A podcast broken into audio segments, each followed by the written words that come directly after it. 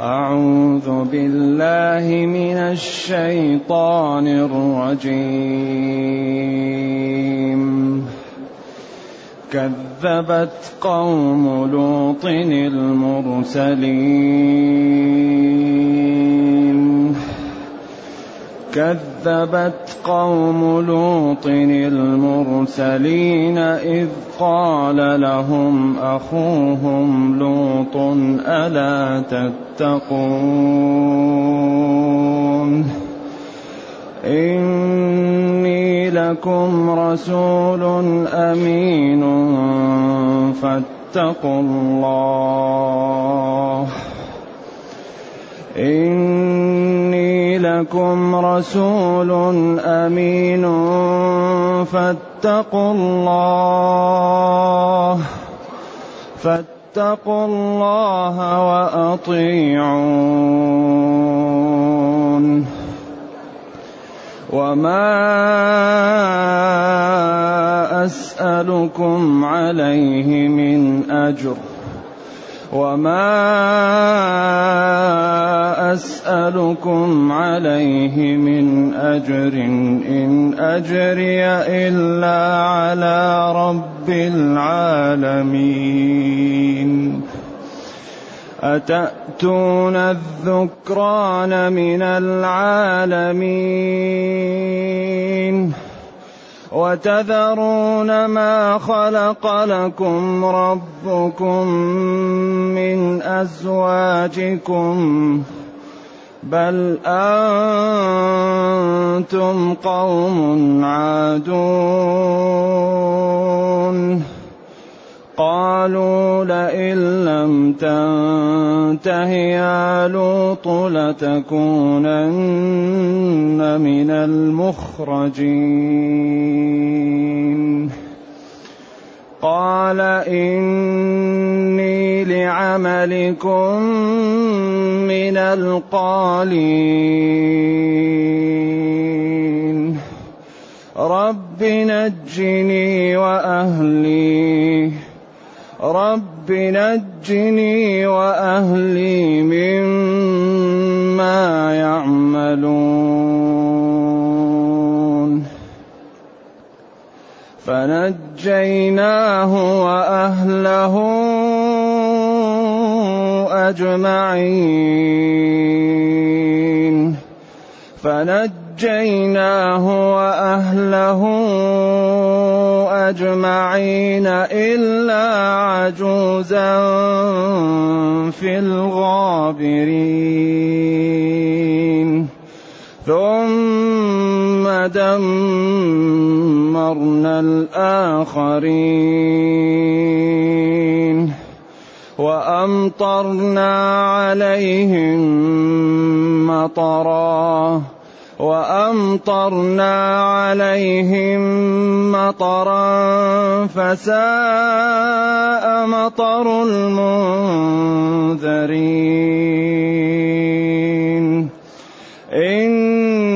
في ذلك لآية. إن في ذلك لآية وما كان أكثرهم مؤمنين. وإن ربك لهو العزيز الرحيم.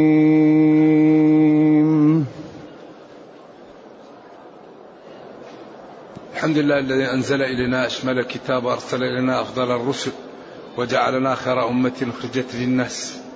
فله الحمد وله الشكر على هذه النعم العظيمة والآلاء الجسيمة.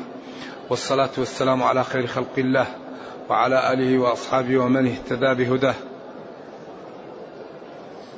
ما بعد فإن الله تعالى يبين ما حصل بين لوط وقومه الذين أرسل إليهم.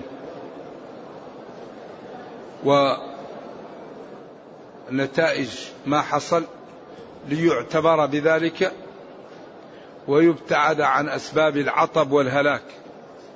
يقول كذبت قوم لوط المرسلين. يعني نفس اللي تقدم في قوم نوح وقوم هود وقوم صالح كذبت قوم لوط المرسلين. وسبق أن قلنا إن تكذيب أحد الرسل كالتكذيب بهم جميعا. وسبق أن أشرنا إلى أن من كفر ببعض الكتاب كمن كفر به كله. لا يقبل الإيمان ببعض الكتاب والكفر ببعض. وأشرنا إلى أن القرآن أشار إلى أن ذلك يسبب الخزي في الحياة الدنيا. أن العمل ببعض الكتاب وترك البعض أن هذا صاحبه يخزى ويذل في الحياة الدنيا وذلك منصوص في قوله أفتؤمنون ببعض الكتاب وتكفرون ببعض فما جزاء من يفعل ذلك منكم إلا خزي في الحياة الدنيا. يعني يعني الإيمان ببعض الدين وترك البعض هذا يسبب الخزي في الحياة الدنيا، ثم يوم القيامة يردون إلى أشد العذاب. اذا يقول كذبت التكذيب ضد التصديق وقوم لوط هم ليس منهم. ولذلك ما قال أخاهم؟ قال قوم لوط. قالوا كان حليفا لهم ويسكن معهم وهو قريب لإبراهيم وهم من الآشوريين وهو من الكلدانيين وقيل غير ذلك. ولما كذبوه فالرسل طريقهم واحدة. كل الرسل يدعون إلى وحدانية الله إلى عبادة الله وإفراده. كل الرسل ينهوا عن الظلم كل الرسل ينهوا عن الفواحش كل الرسل ينهوا عن الكذب عن الظلم عن التطفيف.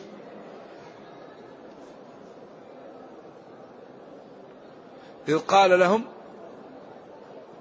كذبت قوم لوط المرسلين إذ قال لهم أخوهم لوط قالوا أخوهم في الحلف.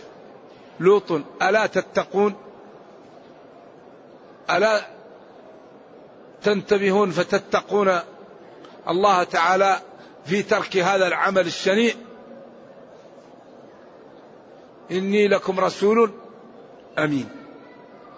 كل الرسل يقول إني لكم رسول أمين. إني لكم خاص بكم. رسول من الله أمين فيما أبلغ عنه لا أزيد فيه ولا أنقص. فاتقوا الله وأطيعون.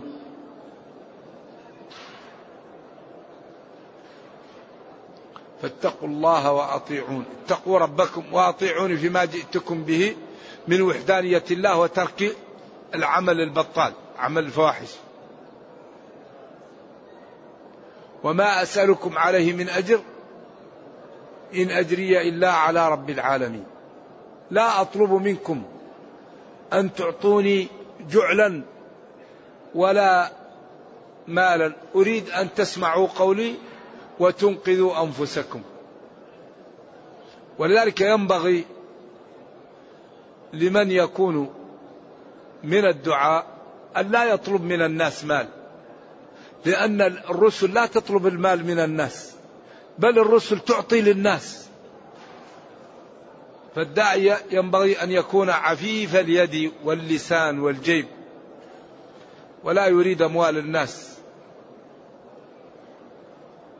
إن أجري إلا على رب العالمين. جزائي على الله لا أطلب منكم جزاء ولا أطلب منكم شيء. ثم بين لهم خطورة الأمر الذي بضميمة الكفر جاءهم به الهلاك والدمار. أتأتون؟ تأتون؟ تجيئون؟ الذكران جمع ذكر من العالمين من الخلق وبالأخص الضيوف والناس الغرباء الذين يأتون للقرية أو لبلدكم. وهذا العمل شنيع. وخسيس وقذر ويؤذر بانتهاء العالم. أنه مع قذارته وخساسته ودناءته ينذر بانتهاء العالم. أتأتون الذكران من العالمين وتذرون ما خلق لكم ربكم من أزواجكم. تذرون ما الشيء الذي أوجده ربكم من أزواجكم وهو إتيان النساء في المحل الذي جعل للحرث. نساؤكم حرث لكم. فأتوا حرثكم أن شئتم في مكان الحرث. مقبلة مدبرة قائمة جالسة. إذا كان في مكان الحرث. أما الدبر من الرجل والمرأة فمحرم إتيانه بالإجماع. وما ورد عن ابن عمر يعني رجع عنه أو لا يصح. وقد ورد عن النبي صلى الله عليه وسلم أنه قال ملعون من أتى أهله في دبرها. أتأتون الذكران عياذا بالله. وقال ما سبقكم بها من أحد من العالمين. أول من فعل هذا الفعل الشنيع هم قوم لوط. وتذرون ما خلق لكم ربكم من أزواجكم. تتركون المحل الذي أوجده الله لهذا الأمر. للولد وللمتعة الحلال. وتأتون المحل النجس. القذر الذي هو محرم وعمله والاستغناء به يؤذن بانتهاء العالم. إذا اشتغل الرجال بالرجال والنساء بالنساء بعد مئة سنة لا يبقى أحد على الأرض. بل أنتم قوم عادون. بل أنتم. فيما فعلتم قوم يعني خارجون عن الحق وظالمون ومتجاوزون ما شرع لكم إلى ما لم يشرع لكم. وقد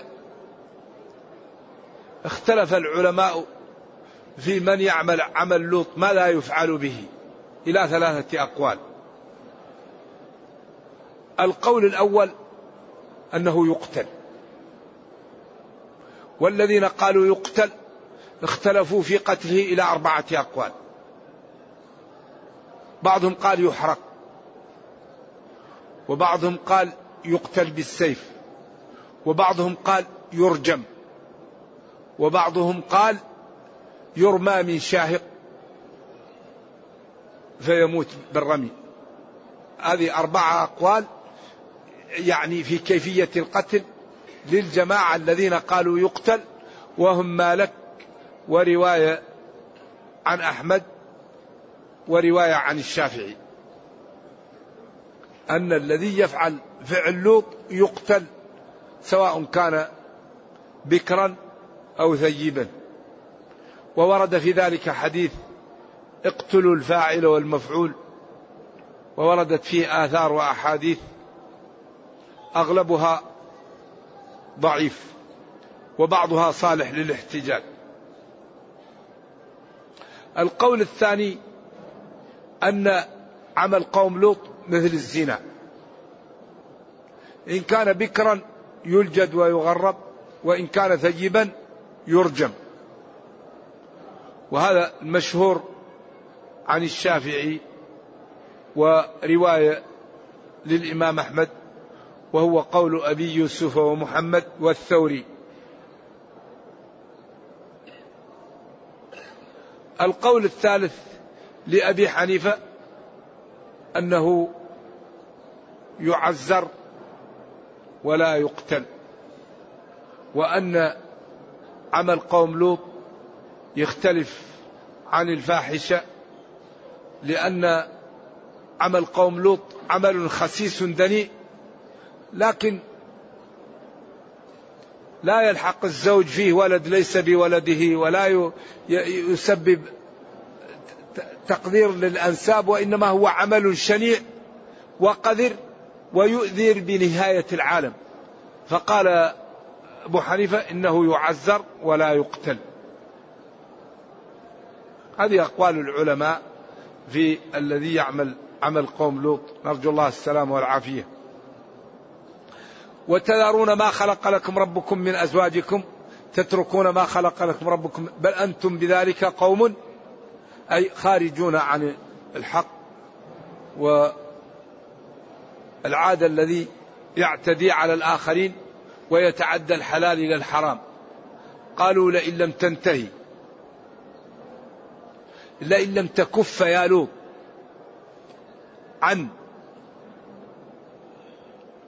ما نحن نحبه ونفعله لنخرجنك من أرضنا لتكونن من المخرجين. ولذلك في هود قال اخرجوا آل لوط من قريتكم. لماذا؟ إنهم أناس يتطهرون. طيب التطهر مدعاة للإخراج أو للإكرام. ولذلك الإنسان إذا فسدت فطرته يرى الحق باطلا. قالت قريش أجعل الآلهة إلها واحدا؟ إن هذا لشيء عجاب. والشيء العجاب تعدد الآلهة. لأن وما من إله إلا إله واحد. لو كان فيهما آلهة إلا الله لفسدتا. ما اتخذ الله من ولد وما كان معه من إله. كل وما كان معه من إله إذا لذهب كل إله بما خلق. ولا على بعضهم على بعض. سبحان الله عما يصفون. عالم الغيب والشهادة فتعالى عما يشركون. إذا يستحيل أن يكون في الكون إلا إله واحد. ولكن هؤلاء لما فسدت فطرهم صاروا ينكرون تعدد آه، أن الإله واحد. وهؤلاء قوم لوط لما فسدت فطرهم وتعودوا على الفساد قالوا اخرجوا آل لوط. لماذا؟ إنهم أناس يتطهرون. ولذلك يقضى على المرء في أيام محنته حتى يرى حسنا ما ليس بالحسن. إذا يقول لئن لم تنتهي تكف يا لوط عن سبنا وشتمنا وعن عيبنا وإزرائنا فيما نعمل لنخرجنك. قال لوط لقومه إني أنا لعملكم لفعلتكم من القالين المبغضين لأنه فعل خسيس لا يفعله إلا من في قلبه مرض وفي ذوقه انحطاط. أيوة ما يعمله إلا إنسان مريض عياذا بالله. ثم دعا ربه وقال ربي يا ربي نجني أنقذني وأهلي. مما يعملون أي من تبعة عملهم. فإن هذا العمل عاقبته الدمار والهلاك. ولذلك الذي يدمر الأمم الكفر زايد الذنب. كفر مع تطفيف الكيل. كفر مع قوم لوط. دائما إذا جاءت الرسل كفر مع إقدام على آية من آيات الله وقتلها كما فعل قوم صالح. قال العلماء ولذلك قالوا إن الأمة الكافرة العادلة في حكمها وفي عملها تبقى والأمة المسلمة إذا كانت ظالمة تزول لأن الظلم لا يمكن يبقى أبدا. الظلم ظلمات لا يمكن يبقى إلا العدالة. لذلك تجدون أن بعض الدول الكافرة مزدهرة لعدالتها تحرم الظلم. تجد أن عندها عدالة هذه العدالة رأت فيها ازدهارها في الدنيا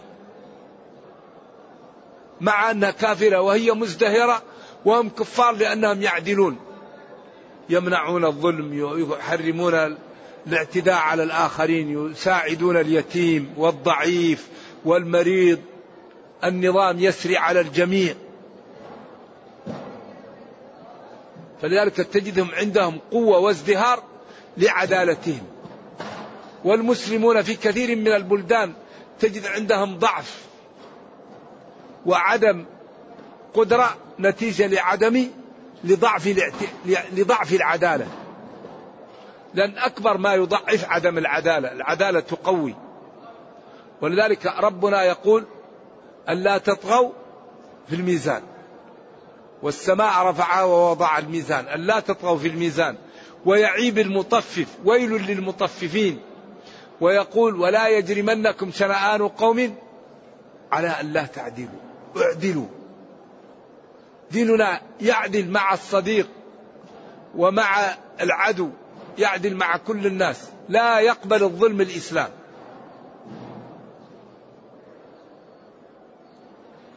ولذلك الصحابي الذي قال الرجل لا إله إلا الله وقتله. أسامة قال له أقتلته بعد أن قال لا إله إلا الله؟ أين تضع لا إله إلا الله؟ قال قالها خوفا من القتل تقية قال هل لا شققت عن قلبي؟ هل لا شققت عن قلبي؟ ونزلت الآية ولا تقولوا لمن ألقى إليكم السلام. أي الإسلام؟ لست مؤمنا. تبتغون عرض الحياة الدنيا فعند الله مغانم كثيرة. كذلك كنتم من قبل فمن الله عليكم فتبينوا. أنتم قبل هذا كنتم على الكفر. وكنتم لا تعرفون الإسلام. فمن الله عليكم. فتبينوا وتأملوا ولا تقولوا لمن قال لكم إنه مسلم أنت لست مسلم. دين في غاية من من العدالة. فحري بنا أن نظهر جماله للناس. لا بد أن يكون لنا برامج جادة لإفهام الناس هذا الدين ولتوضيح لهم سلكه وكيف عالج كل القضايا. كل قضايا في الحياة معالجة في الدين سواء كانت إدارية أو تجارية أو دينية أو علمية أو تربوية فالدين موضح لكل ما تحتاجه الأمة. ولذلك أخبر الله وقال قوله الحق إنه تبيان لكل شيء. قال ممتنا على نبيه ونزلنا عليك الكتاب تبيانا لكل شيء. وقال ما فرطنا في الكتاب من شيء.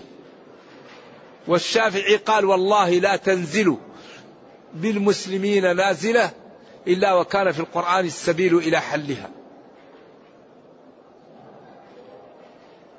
اذا يقول إني لعملكم من القالين من الكارهين.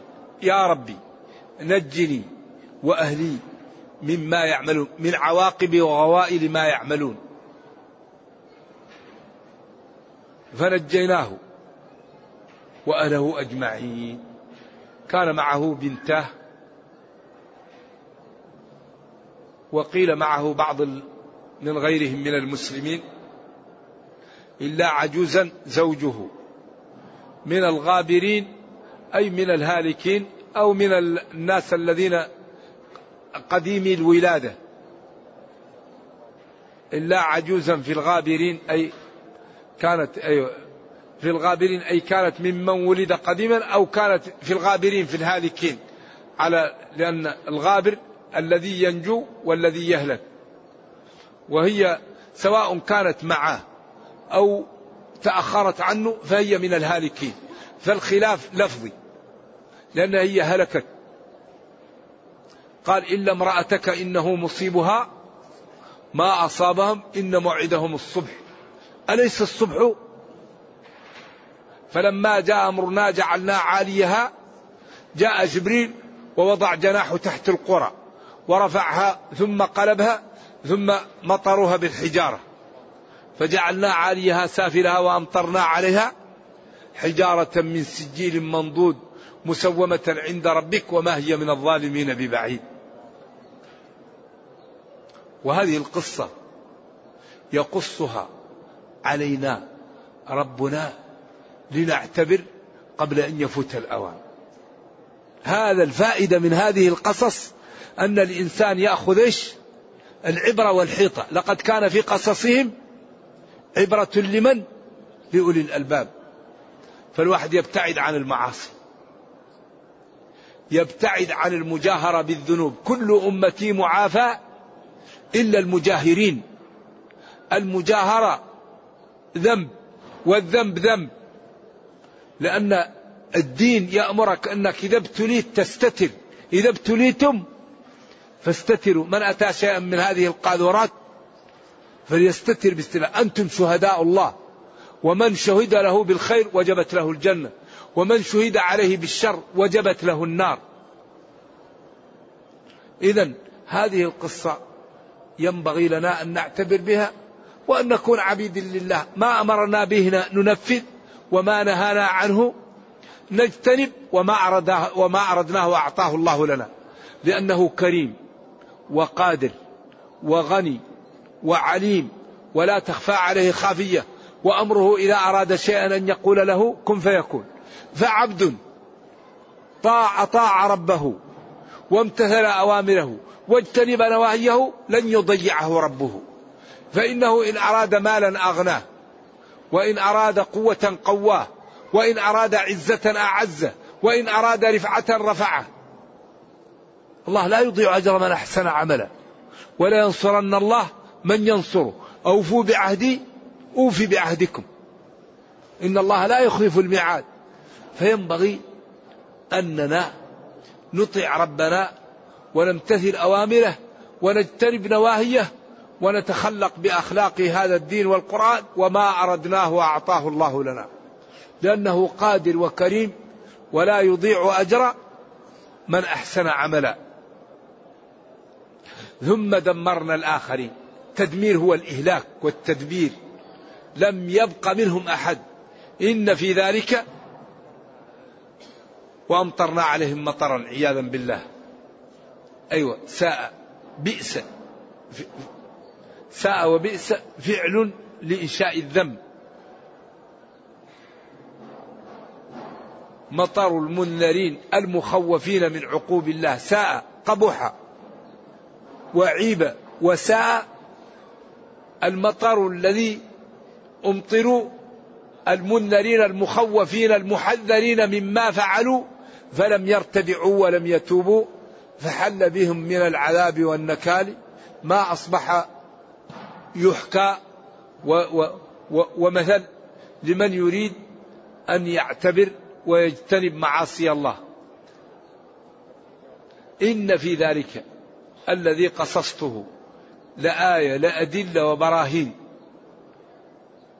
واضحة لا لبس فيها وما كان أكثرهم مؤمنين وما كان أكثر هؤلاء القوم مؤمنين ومؤمنين هنا تشمل 11 جملة وإن ربك لهو العزيز الغالب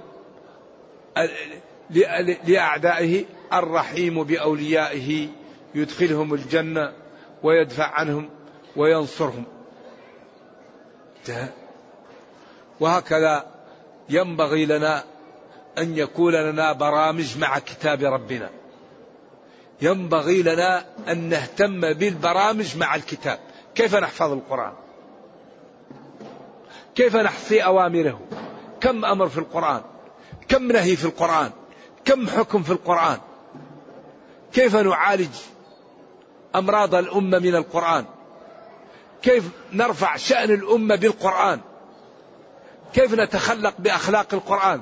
لما سألت سأل الصحابة عائشة عن خلق النبي صلى الله عليه وسلم ماذا قالت؟ كان خلقه القرآن. ولذلك هذا الكتاب حري بنا أن نصحبه نحفظه نتدبره نتأمله نتأدب بآدابه نتخلق بأخلاقه. فإنا إن فعلنا ذلك ضمن لنا ربنا أمرين. يصلح لنا دنيانا ويصلح لنا أخرانا وأي شيء أعظم من أن يصلح للعبد دنياه وأخراه.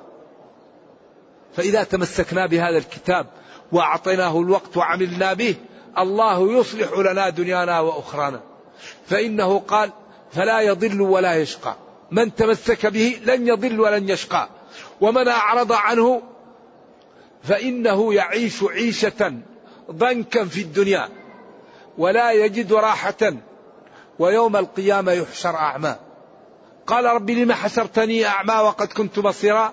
قال كذلك أتتك آياتنا فنسيتها.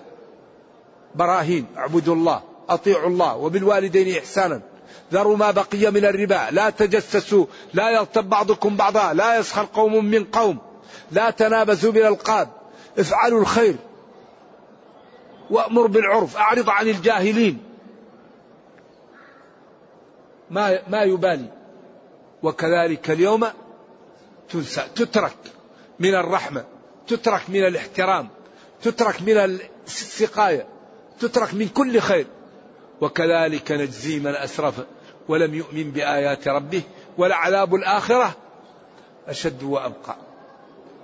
إذا ينبغي لنا أن نهتم ببرامج في كتاب ربنا. كما ينبغي لنا أن يكون لنا برامج لإنقاذ البشرية. لإنقاذ البشرية من النار. كثير من الدول لم يصله. الدين بالوجهة السليمة فحري بنا أن نهتم بمراكز الترجمة. فنترجم معاني القرآن للآخرين ليفهموا هذا الكتاب وليكون سبب في إنقاذ البشرية من دخول النار. فإذا لم نفعل هذا فنخاف أن يوم القيامة يلببنا كثير من الأمم ويقول يا أمة الإسلام لم تبلغوا لنا الدين ونحن الآن ندخل النار. يا رب انتقم لنا من أمة الإسلام لأنهم لم يبلغوا لنا هذا الدين على الطريقة التي نزل بها. بل كثير من المسلمين شوه الإسلام بأعمالهم وأفعالهم التي تخالف الإسلام فيظن غير المسلمين أن الإسلام يدعو لهذه الأمور الخطأ فينفرون من الإسلام بسبب أخطاء المسلمين. وربنا جل وعلا يقول ربنا لا تجعلنا فتنة للذين كفروا. أي لا تجعل عملك فينا سببا في صد غير المسلمين عن الدخول في الإسلام. والحقيقة أننا عندنا كتاب معجز قائم إلى قيام الساعة. لو اجتمع أهل الأرض على أن يأتوا بسورة ما يستطيعون. قل لئن اجتمعت الإنس والجن على أن يأتوا بمثل هذا القرآن لا يأتون بمثله ولو كان بعضهم لبعض ظهيرا نرجو الله جل وعلا أن يجعلنا من الشاكرين لهذا الكتاب الفاهمين له العاملين به المتأدبين بآدابه المتخلقين بما يدعو إليه. اللهم اجعلنا من أهل القرآن. الذين هم أهلك وخاصتك. اللهم أرنا الحق حقا وارزقنا اتباعه وأرنا الباطل باطلا وارزقنا اجتنابه. ولا تجعل الأمر ملتبسا علينا فنضل. اللهم أصلح لنا ديننا الذي هو عصمة أمرنا وأصلح لنا دنيانا التي فيها معاشنا وأصلح لنا آخرتنا التي إليها معادنا. واجعل الحياة زيادة لنا في كل خير والموت راحة لنا من كل شر. سبحان ربك رب العزة عما يصفون وسلام على المرسلين والحمد لله رب العالمين والسلام عليكم ورحمة الله وبركاته.